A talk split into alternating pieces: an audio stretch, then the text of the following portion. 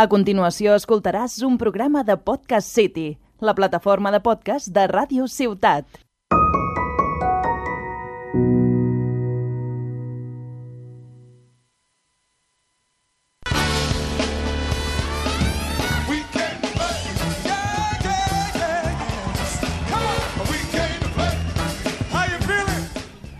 Hola, hola a tothom, benvinguts i benvingudes a La Partida, un podcast dedicat als jocs de taula i als jocs de rol.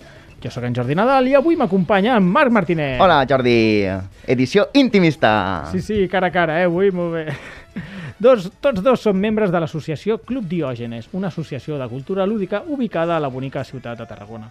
En el programa d'avui parlarem del Terraforming Mars Pro, eh, Expedition Ares, uf, quasi m'equivoco amb el nom, la versió de cartes del Terraforming Mars. Comencem! Here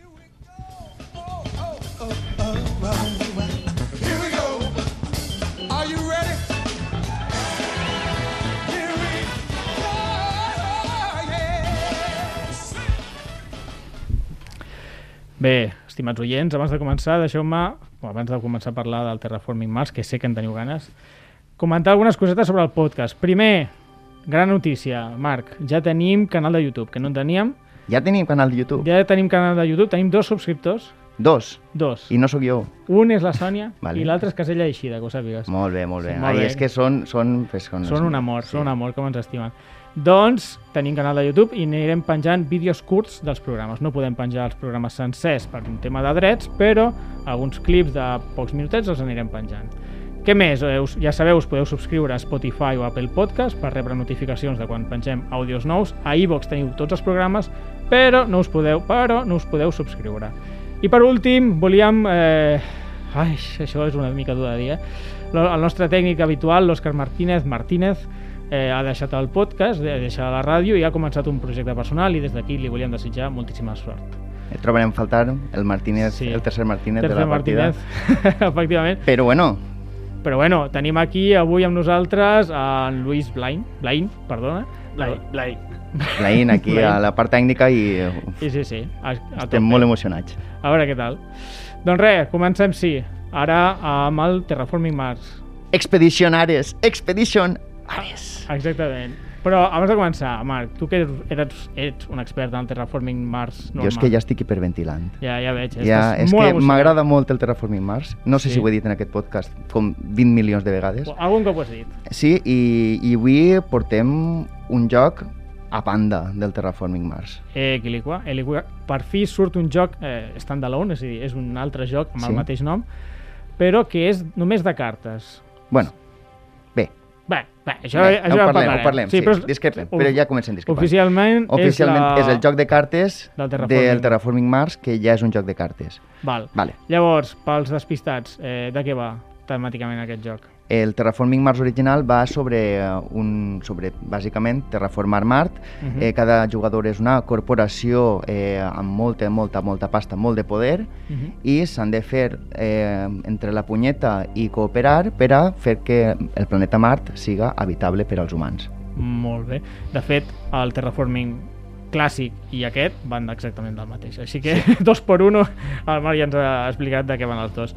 Doncs res, fem fitxa tècnica d'aquest joc. El dissenyador eh, són tres dissenyadors. Està el, el, el clàssic, que és Ja- Jacob, Jacob Frixelius. Frexelius, Després està Sidney eh, Engelstein i Nick Little. Aquests dos autors potser us sonen perquè són, uh, són cre- co-creadors de el Aeon's End Legacy. Vale. No el clàssic, sinó el, El Legacy. que és un joc que jo vaig dir que m'agradava molt. I la Sidney Engelstein també ha fet uh, l'Space Cadets, que és un joc bastant popular. I, bueno, podeu mirar les seves fitxes a, a la BGG, són autors bastant... top. Sí, sí, han fet Sí. bastants jocs. Doncs res, artistes... Els artistes no els direm, però sí que podem dir una cosa dels artistes, que no està el germà de Jacob Frixelius a l- a l'aparato artístic. I és una cosa bastant a remarcar perquè, com, com tots sabem, el Terraforming Mars és un joc de 10, però si no fora pel seu artista seria un joc de 12.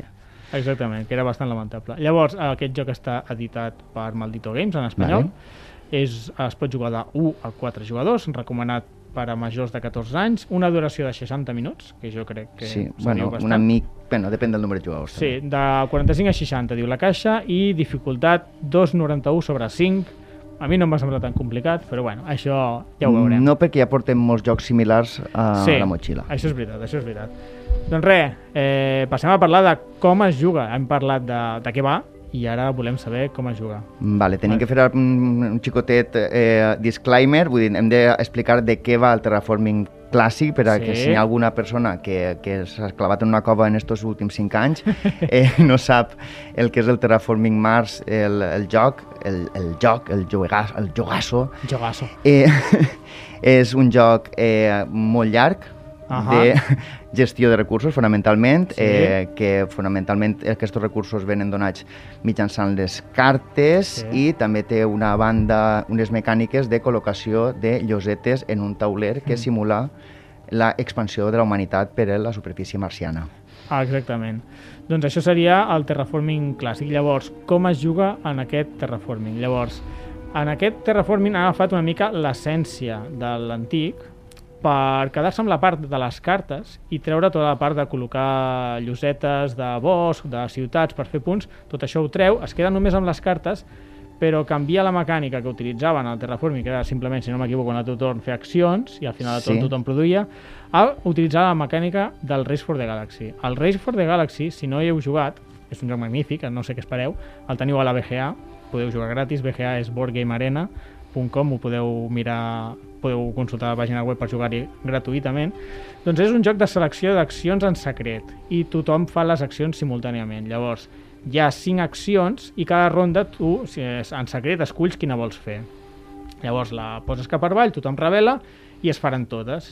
Pues si algú escull la 1, un altre escull la tercera i l'altre la 5, doncs farem la 1, la 3 i la 5. Tots les farem les tres. Tots farem les tres accions i a més a més qui ha escollit l'acció té com un bonus. I Vale. això seria com es juga a poques paraules. Sí, llavors, eh, en el Race for the Galaxy, dir, al final es poden jugar un número indeterminat d'accions Ahà. i no jugaran totes, i llavors part de la gràcia del joc és que no sempre es fa tot, Sí. i llavors has de veure quines coses eh, li, et convenen més a tu que, que als teus contrincants. Exactament, aquí hi ha una part que m'agrada bastant d'aquest joc, del Race for the Galaxy i també del Terraforming Mars eh, Expedition Ares. Ares. A partir d'ara li direm a l'Expedition Ares, vale? per, per no tornar-me jo boig. Vale. O a l'Ares. El Ares, el L'Ares. Ares. El Ares. El Ares. doncs que no només has de pensar quina acció vols fer tu, sinó quina crec que faran els altres, llavors quina agafo jo que això a vegades et pot sortir el tiro per la culata. Sí. Però no només és, ah, vull fer aquesta acció, agafo aquesta acció i ja està. Jo, a molts torns, el que feia era, ostres, jo el Marc segur que farà la número 2, doncs jo faré la 3 perquè jo també vull fer la 2, però també vull fer la 3. Per Vale. exemple, o potser m'agrada més el descompte, l'avantatge que em dona l'acció número 3. Clar, per què tal si, si expliquem mm, Eh. una, pinzellada Sí. de cada... què es pot fer? Mm. En el Terraforming Mars clàssic, Sí. al final eh, tu en el, en el, anàvem passant com generacions, no? I cada generació eh, cobràvem uns diners, fèiem una producció i després ens gastàvem tota la pasta. Llavors Ah. és com, se suposava que era com 20 anys de que passaven una generació real de gent i llavors tornàvem a començar, tornàvem a cobrar i fèiem molts, moltes mini-rondes. En el Ares Sí. no, no fem aquest, aquesta, aquest doble joc de torns, simplement la producció és una de les Sí. cinc possibles accions que poden triar en aquest eh, tipus Rise for the Galaxy. Ah, Una altra que podria ser jugar una carta de tipus verd. sí. Està, també pots jugar les cartes de tipus blau o vermell, que són una mica diferents. Una altra acció és fer la producció, que ja ho has Fer dit. la producció, I l'altra, l'última acció és robar cartes. Robar ah, no, perdona. cartes o A- activar... activar les cartes que tenen accions actives, que són les cartes Llavors. blaves, igual que el Terraforming de Regular One.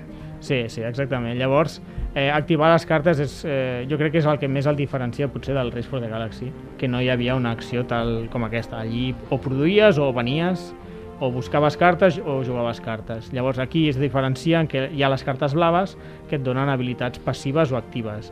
Eh, la, per mi la xitxa estan en les cartes blaves, Sí. són potser les més divertides de jugar. Eh, alguns et donen habilitats passives, tipus... Jo tenia una que, que era un animal que cada cop que jo ficava un, to, un token de, de microbi sobre una carta meva, guanyava un token d'animal. Representar que se'l menjava o el que sigui, Sí. guanyava un token d'animal. pues, pues clar, llavors vaig començar a tenir moltes cartes de ficar tokens de microbi i no parava de- d'engordar-se la meva balena.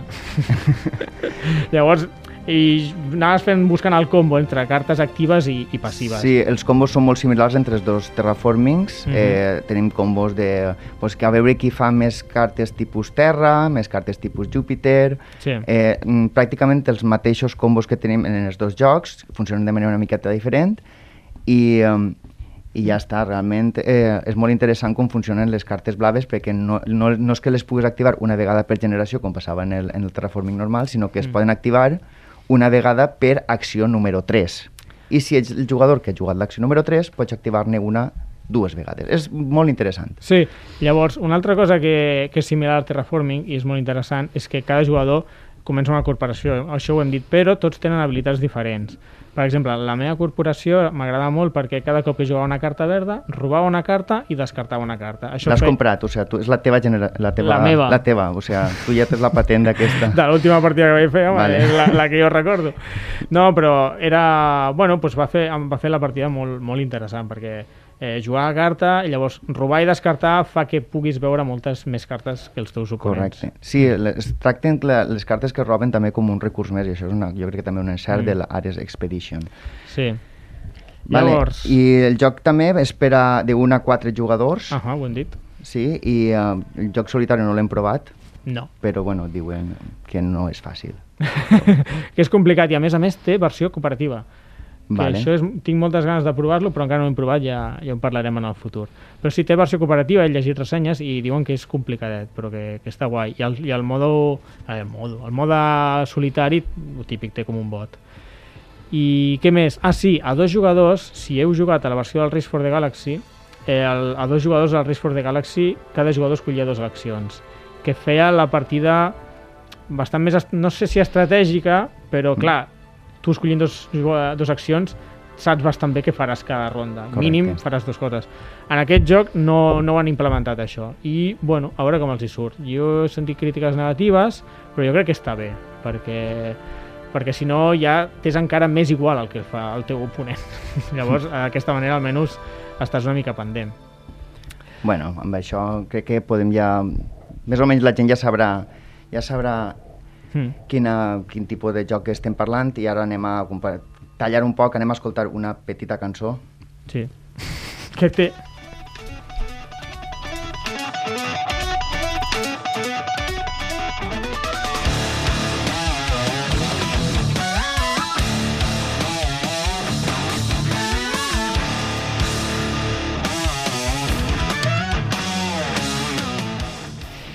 Estem escoltant la cançó Terraformer de, de grandíssim grup Thank you Scientist, gràcies científics, eh, cançó de prog metal mm, d'un grup que m'agrada molt, la cançó m'agrada molt, el grup m'agrada molt, el nom m'agrada més encara, per a parlar dels components, que és una cosa que és la cosa que més m'agrada d'aquest Expedition Ares, perquè és la cosa que més millora respecte a l'original, perquè és de fet l'única cosa que podia millorar de l'original. Hola, aquí t'has passat de, de fan, de l'over del Terraforming. Bueno, abans de comentar, aquesta cançó no ve res, eh? o sigui, es diu Terraformer i gràcies, no? O sigui... A veure, i el grup es diu Thank You Scientist. Vale, sí, vinga, va, té, No, no, té no, no, dues coses. te ho jure, Sí, sí, té tot que veure. vale, vale, perdona. Molt xula, eh, la cançó, per cert. Pro- Prog metal, vull dir, en Mart no n'hi haurà reggaeton, Hi n'hi haurà- haurà prog metal. I ja està. I thank you, scientist. Sí. Vale. Rafael Acarrat, tu t'ho imagines en, en, en Mart? No. No, t'imagines això? Pot ser tampoc. Bueno, va, parlem dels components. Realment, els components han millorat moltíssim en tots els aspectes. Per exemple, eh, és remarcable la diferència entre les il·lustracions originals, que algunes, no exagero, eh, eren agafades literalment del Google Imatges i potser haver-la editat una mica i ficar-la tal qual, eh, ara tenen, no sé si 4 o 5, un equip d'il·lustradors que han anat fent la, totes les il·lustracions i es veu moltíssima diferència. Molt xules, molt xules, les cartes molt xules, inclús els components que no són cartes també. Sí, eh, els taulers de cada jugador també era una crítica habitual, eren simplement un cartronet, llavors tu havies d'anar ficant pues, el meu income de, de diners és tant, i a la que algú et donava un cop ja podies començar un altre cop la partida perquè se't movia tot. Ara els taulers eh, són com de doble capa, i Sí. bueno, bàsicament queden com uns petits foradets per tu ficar els cubs que no se't mouen. Bueno, Sí. és que a, a, a partir de l'expansió de Conflictos, Turmoil en anglès, sí que van portar al joc original aquests de, car mm, cartoners de doble capa Sí.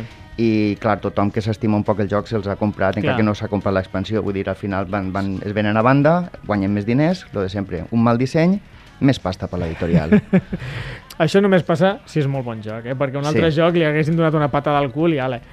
Però bueno, sí, eh, els taulers estan molt millors, les cartes estan molt millors, els cubs, no sé si, els si els teniu en ment, els del Terraforming original, eren uns cubs metàl·lics bastant lletjos que es despuntaven. Sí, perquè no, eren- eren com de re- recobrició metàl·lica. No eren I, I metàl·lics, per tant eren de simulaven- plàstic, simulaven metal i llavors quan es pelaven un poquet feien un efecte de llardós que donava sí, asco. ara tenen, bueno, tenen un aspecte marmori. m'ha- m'ha Sí, sí, és com màrmor, sí, mar, Sí. marbre, sí, sí, Tu, sí. Continuant amb el bronzejat, platejat, daurat, però amb un toc marmori que queda molt És millor. molt xulo. També venen amb unes caixetes precioses. Bueno, es nota que va ser un Kickstarter que, bueno, que van anar fent diners i l'han fet una versió bastant, bastant deluxe. I bueno, també el joc, tot i que ser de carta 100%, ve amb un tauler central que és on es porta el, el, el track. El... Que és on, on s'han flipat un poquet. Vull dir, tu vas a fer un Terraforming Mars Ares Expedition Sí. I em, anem a ficar-li uns poquets recursos. Ah, i anem a ficar-li un tauler central. Mm. Llavors, ni el Terraforming Mars és un joc de, de recursos només, perquè n'hi ha moltíssimes cartes, és un joc de cartes, bàsicament, Sí. i este també, vull dir, al final no es distancia tant en el sentit de, de, de que no està tan streamlined, que diuen en anglès, no? Però sí que realment tot el que té ho té ben posat.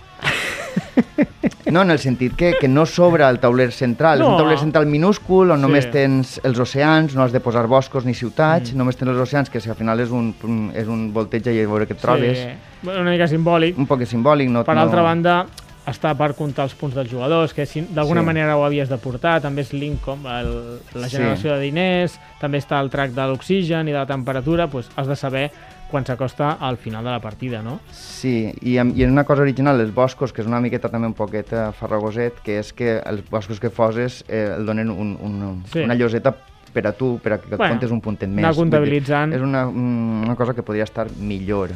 Bueno, Però bé, no, bé, bé, bé, bé, bé, bé. No jo no he vingut així per parlar malament de res. Vale, vale, vale. De, del meu Frixelius.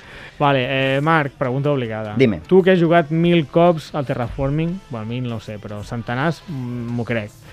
Aquest o l'original? Eh, el Ares Expedition eh, en nu, Vanilla, Sí. i el Terraforming Mars Vanilla, eh, l'Ares Expedition millor, però clar, el, el Terraforming Mars ara mateix té moltes capes d'expansions que li donen el color. Sí. Llavors, clar, mm, entre el que n'hi ara de Terraforming Mars i el que n'hi ara de, de Ares Expedition, és l'original. Vale, vale. Bueno, sí, s'entén, però llavors això ens porta a una altra pregunta interessant. Hi haurà expansions d'aquest joc? Mm, tot indica que sí, Val. perquè al final l'única indicació, no, no ho hem mirat massa, però el propi, la pròpia capsa té com molt d'espai buit. Sí, Saps? És com dir, mm, mm, no el dic res però t'ho dic tot. No te digo nada, però lo digo Inclús tot. porta això, l'esponjeta esta típica que Sí. pa, pa, pa plenar els buits, dius, ja ho plenarem, però això ho plenarem en cartes. És un detall que m'agrada, això de l'espumeta, perquè em fa molta Sí. ràbia els jocs que venen buits i et van les cartes amunt i avall, Sí. ballant, és, és un rotllo allò. Ho, ho detesto profundament. Llavors, eh, aquest joc sí o sí serà carn d'expansió. I jo Sí. crec que li vindran molt bé pel que acabes de dir, no? Sí, bueno, és que ho tenen tot de cara, vull dir, ja tenen totes les expansions de Terraforming Mars per copiar-les, per adaptar-les al joc este tipus Roll for, eh, Race for the Galaxy, i, eh, i llavors només tenen que fer el, port, perquè en, no ho hem comentat massa, però les cartes, moltes cartes són, són calcs directes d'un joc a l'altre. Sí, sí, sí, sí. És que estàs jugant al Race for... Ai, al Race for the Galaxy, perdó. Al, a l'Ares, a l'Expedition Ares, i et dona molt la sensació del, del terraforming original. Eh, I a mi és una cosa que m'ha agradat, és a dir, no han fet una còpia descarada... Bueno, la mecànica sí, és fusilada del Race for the Galaxy, però la sensació és de terraforming, Mm. no és de Race for the Galaxy. De fet, l'altra pregunta que et volia fer és entre aquest entre l'Expedition Ares i el Race for the Galaxy, amb quin et quedaries? És que el Race for the Galaxy no l'he jugat massa. Ah. Doncs l'he jugat, però bueno, el, el Race for the Galaxy, com hem comentat, mm. ho hem comentat off-camera, que és del 2007, una cosa així, és antic. Sí, té anys, eh? Té anys, no, igual no, igual m'he patinat en 2007, sí, sí, l'has clavat. la... Eh, no, no l'he clavat, m'ho has dit abans. Ah. I, Però sí, llavors, eh, el Race for the Galaxy és un joc que està, eh, està bé per lo que era, és, és un, el joc, eh, l'esquelet de la mecànica que això, estos ho han copiat molt bé, han, han adaptat un joc, un, un joc molt llarg a un joc d'una hora, Clar. ho han fet bé, no s'han deixat massa coses pel camí, mm. vull dir, res, que, res a dir. Llavors, entre aquests dos, evidentment, jo em quedé amb el Ares Expedition. Sí, bueno, jo crec que, que són bastant diferents. O sigui, hi ha gent fent-se la pregunta, ostres, entre un i l'altre. Jo el Race for the Galaxy el trobo un joc potser més elegant perquè amb molt poc han fet molt. El Race for the Galaxy, penseu, clar, no té ni comptadors per portar recursos, eh, només són cartes. És un joc 100% Mm. de cartes. Llavors Correcte. els recursos són, agafes cartes simplement i les fiques cap per avall, està tot molt ben optimitzat. Eh, jo crec Dic que és més elegant perquè les cartes no tenen tant de text, al final eh, hi ha Sí. molts símbols, que òbviament els has d'aprendre, però aquest el tro- l'Ares el trobo més ric. El, el, li trobo que aquest gust a terraforming, a converos, a ostres, baixo això, ostres, la meva eh, corporació pues, té aquesta habilitat, pues, intentaré tota la partida utilitzar-la i baixo això que em fa em dona una habilitat passiva per a aquesta altra cada cop que activi, no sé què. Tot això amb la mecànica del Race for the Galaxy. Ah, i que sapigueu, per si no, no ho sap els nostres oients, que realment no és, mm, no és il·legal eh, copiar una mecànica. És a dir, agafar un joc i, i agafar-li exactament la mateixa mecànica de, com del Race for the Galaxy no, no és il·legal, les mecàniques no, no es poden patentar, o sigui, tothom les pot utilitzar el que no es pot agafar és les cartes literalment i en lloc de Race for the Galaxy dir-li eh, Page for the Galaxy, jo que sé, algú que sí, seria... vale, no serà il·legal. Elegant tampoc és. A mi em sembla, a mi no em sembla malament perquè al final ajuda que, ha, que, es, que es millorin els jocs. Sí, bueno, vale, sí. Perquè Igual si no- sí que és elegant, però, claro, és que és tan flagrant. El, vull dir, al final, Sí. no sé, vas, però sí que és cert que és una millora d'una mecànica i la mecànica no ho és tot en el joc. Mm, Llavors, és, exactament. és, hi ha una fina línia grisa, en realitat. Però- A mi m'agradaria que es poguera copiar tot, vull dir, a mi m'agradaria Sí. que, que realment que tot el tema d'este de no, no podem fer això perquè violaríem drets d'autor, Eh. tot això que coarta tant la creativitat. Sí, exa- exactament. O sigui, Eh, Jo crec que és bo que es puguin utilitzar les mecàniques d'altres jocs i Sí. fins i tot seria bo que es pogués utilitzar tot. Però Sí. bueno, tampoc els, els, els autors originals pues, potser tenen alguna a dir. Però, per exemple, el... ja ho diré demà. Uh... Bueno, és igual. Que, que és que m'anava a allargar amb el tema de patents i, i no cal. I no, no, no és hora. I no és ara, no és ara. Doncs pues va, per anar concluint, punts forts del joc. Vale. Mm, molt més curt. Val. Vale, això és, és el punt. És el punt. El terraforming Mars, si té un, un, dos pegues, és l'art i la llargada excessiva. Sí. O sigui que les cartes són lletges i has d'estar molt d'estona mirant-les. I llavors estes, les cartes són boniques i, i passa en, un, en una hora el temps ventilat si jugués més o menys ràpid. Sí. I a banda d'això, els torns, al ser simultanis, que en el terraforming normal vas, Mm. vas mirant l'altre com juga i llavors, ai, no sé, ai, ta, ta, ta. Sí. Aquestes poden fer tot el, tot el torn de manera simultània, molt propens a fer trampes també, no jugueu amb gent tramposa a este joc perquè passareu una molt, molt, molt, molt mala estona. Gràcies, Lluís. I, eh, I el fa molt àgil, el joc. Sí, això estic totalment d'acord. Eh? Per altra banda, uh, el, el Terraforming, al final, uh, a mi em semblen dos jocs junts, és a dir, per una banda, estic parlant del clàssic, eh, està, la, ho hem dit abans, el tema de les losetes, de les ciutats, dels boscos i col·locar-se estratègicament al tauler i està la banda de les cartes. I semblen com dos jocs que sí, connectats, però una mi- mica diferenciats. Jo crec que en aquest joc es queden amb la part que a mi més m'agrada, que és la part de cartes, que és la part que més gaudeixo, jo crec que la majoria també, Sí. que és buscar cartes, fer-te el combo i a veure qui ho fa millor. Jo crec que aquest joc ha sapigut quedar-se amb la part mm, més positiva de la, del terraforming. I sí, el joc tenia... El joc original tenia una pega a vegades també, que, que és que si dues persones de tres no volien que s'acabara la partida, pues allò Sí. sí. podia eternitzar-se. Llavors, en, en el, en l'Ares Expedition han trobat una manera, home, és bastant, bastant immediata, no?, que t'obliga a acabar la partida, en el sentit que si tu inevitablement fas plantes, eh, el joc t'obliga a, gastar-te les plantes en boscos i això eh, al final avança en el final de la partida, que és completar l'oxigen. I el mateix passa amb, amb el calor que t'obliga d'alguna manera a, completar la temperatura. Per tant, l'única cosa que no t'obliga és a completar els oceans, però és que el primer que sí, es completa. normalment sí, exactament. Llavors, és una, bueno, no és una superideaca, però, però soluciona un problema que n'hi havia i, per tant, soluciona un problema doncs és millor joc. Sí, sí, sí. A més a més, el joc a mi no se'm fa tan farragós la part de la producció. I el draft de cartes m'agradava molt, però allargava moltíssim la partida. Correcte. Aquí veus moltes cartes, però gràcies a les, a, a les accions, que hi ha l'acció de mirar cinc cartes i te'n quedes dos, o mirar-ne dos i quedar-te'n una, hi ha moltes cartes que et milloren aquesta acció, hi ha moltes cartes per mirar més cartes, i al final una partida és fàcil que entre tots els jugadors eh, s'ha- s'hagin vist totes les cartes a, a cada partida, i estem parlant de 200 i pico cartes. Llavors, Clar. treus el draft, però igualment els jugadors poden veure moltes cartes i jo això també Sí. ho trobo un encert. És un punt a favor, sí. Sí. Eliminar el draft, sobretot. Home, a mi m'agraden els drafts, però és que... Sí, però el draft, partida si infinita. tens una persona que sempre la que tarda, el que se li acumulen tres montonells de draft perquè no tria la primera, sí, això tot el món mos ha passat. Drama. Prey, flor, mm, anàlisis, paràlisis. Val. Mm, la Pues- part que tothom odia d'aquest podcast és punts negatius. d'aquest podcast no, d'aquest podcast, d'aquest capítol, Ah. d'aquest joc, que és el punts negatius de l'Ares Expedition.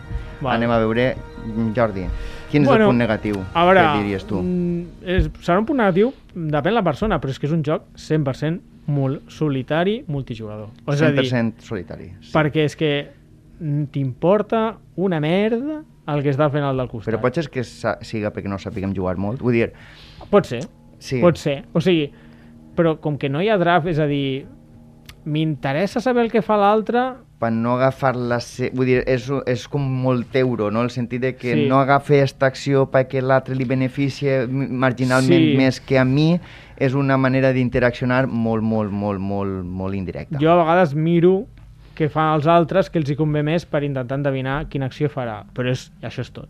Però, per exemple, no sé, eh, m'acaba de venir al cap, si, si hi hagués un mercat de cartes sobre la taula, estaries molt més pendent Clar. de a què va l'altre. Jo Clar. anava molt a l'última partida a animals i inse i insectes.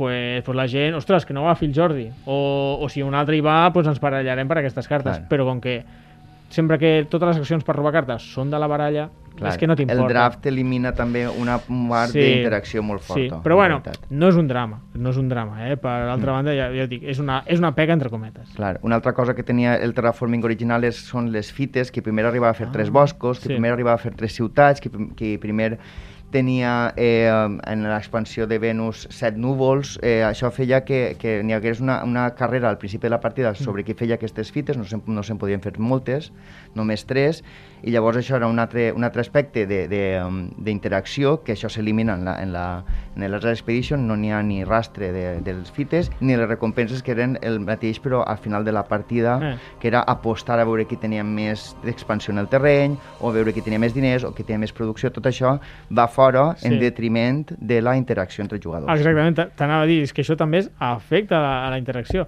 100% solitari, però bueno, tampoc està malament, eh? Llavors, eh, última, última pega per mi. Eh, no sé si et va donar tu la sensació, Marc, que, que vam estar com... El, no, no vull exagerar, eh, però el 60 o el 70% de la partida com a la primera fase, en, Sí. en la que l'oxigen estava en vermell, o sigui, com a la primera etapa, eh, la temperatura pràcticament igual o en lila, que és encara més baix, només hi havia un o dos oceans, i de cop i volta ens vam fer tots com molt rics Sí. i en, en, en un 3 i no res, en, en 20 minuts, pam, pam, pam, pam, pam, vam acabar la partida. És a dir, Sí. Que l'etapa inicial de la partida es dilata moltíssim i de cop i volta, s'acaba. No es dilata molt, però tu ja, fa, ja el nostre cervell fa una escala, dius, bueno, anem per el 25% de la partida. I no, No. igual ja estàs en el 70%. Sí, sí, fàcil. I llavors, clar, això, això no és dolent per se, simplement eh, No. fas que la partida sembla més ràpida inclús, però sí que és de, en detriment de, de fer combos més elaborats o que tarden més en desenvolupar-se. Clar, hi ha totes aquestes cartes, com passava al Terraforming Mars normal, tipus, eh, aquesta carta només la pots jugar quan l'oxigen està al, al 7%, ho dic bé? No sé. Sí. Eh, tal, eh, o jo que sé, aquesta fins que no arribis a, ta a tanta temperatura, o quan hi hagi tants oceans. Aquestes cartes eh, les podràs jugar molt pocs torns, Correcte. perquè en el moment que les pots jugar molts cops és com pa, pa, pa, pa, s'acaba la I no partida. les fa tan potents. El, Ja. el joc haurien d'estar més bueno, és que clar, és que com cada partida pot anar d'una manera, és, no es poden arriscar tampoc a fer-les superpepinacle. Clar, això és veritat. Llavors, bueno, Això és pues, veritat. pequen un poc de, de, de cautelosos en aquest sentit. Bueno, Bé, però normal. és una pega, mm. bueno, és justa, però no... Mhm. Bueno, Marc, per anar concluint, ens fas un mínim resum del que hem parlat avui? Sí, bueno, eh, el eh, Expedition Ares eh, manté l'essència del, del Germà Gran, eh, realment és un, és un joc que agafa tot el bo que tenia el Germà Gran i ho comprimeix en una hora i per tant eh, fa la feina molt ben feta, introdueix la nova mecànica que ha agafada del Race for the Galaxy i millora moltíssim en components, en art, en disseny, eh, és genial i la duració és de més o menys 60 i escaig. Estupendo, doncs. Anirem tancant el programa.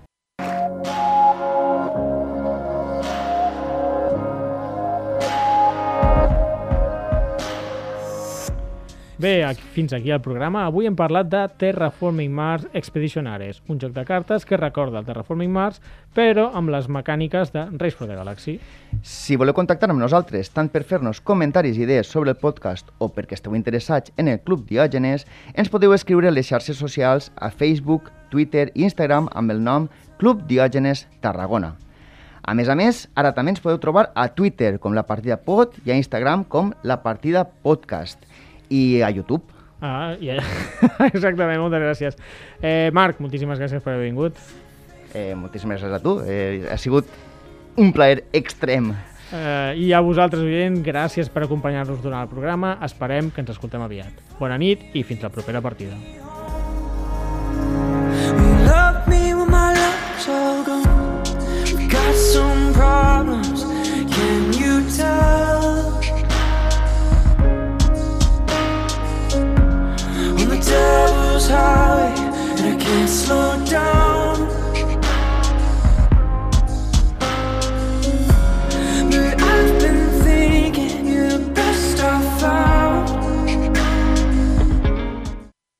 Has escoltat un programa de Podcast City, la plataforma de podcast de Ràdio Ciutat.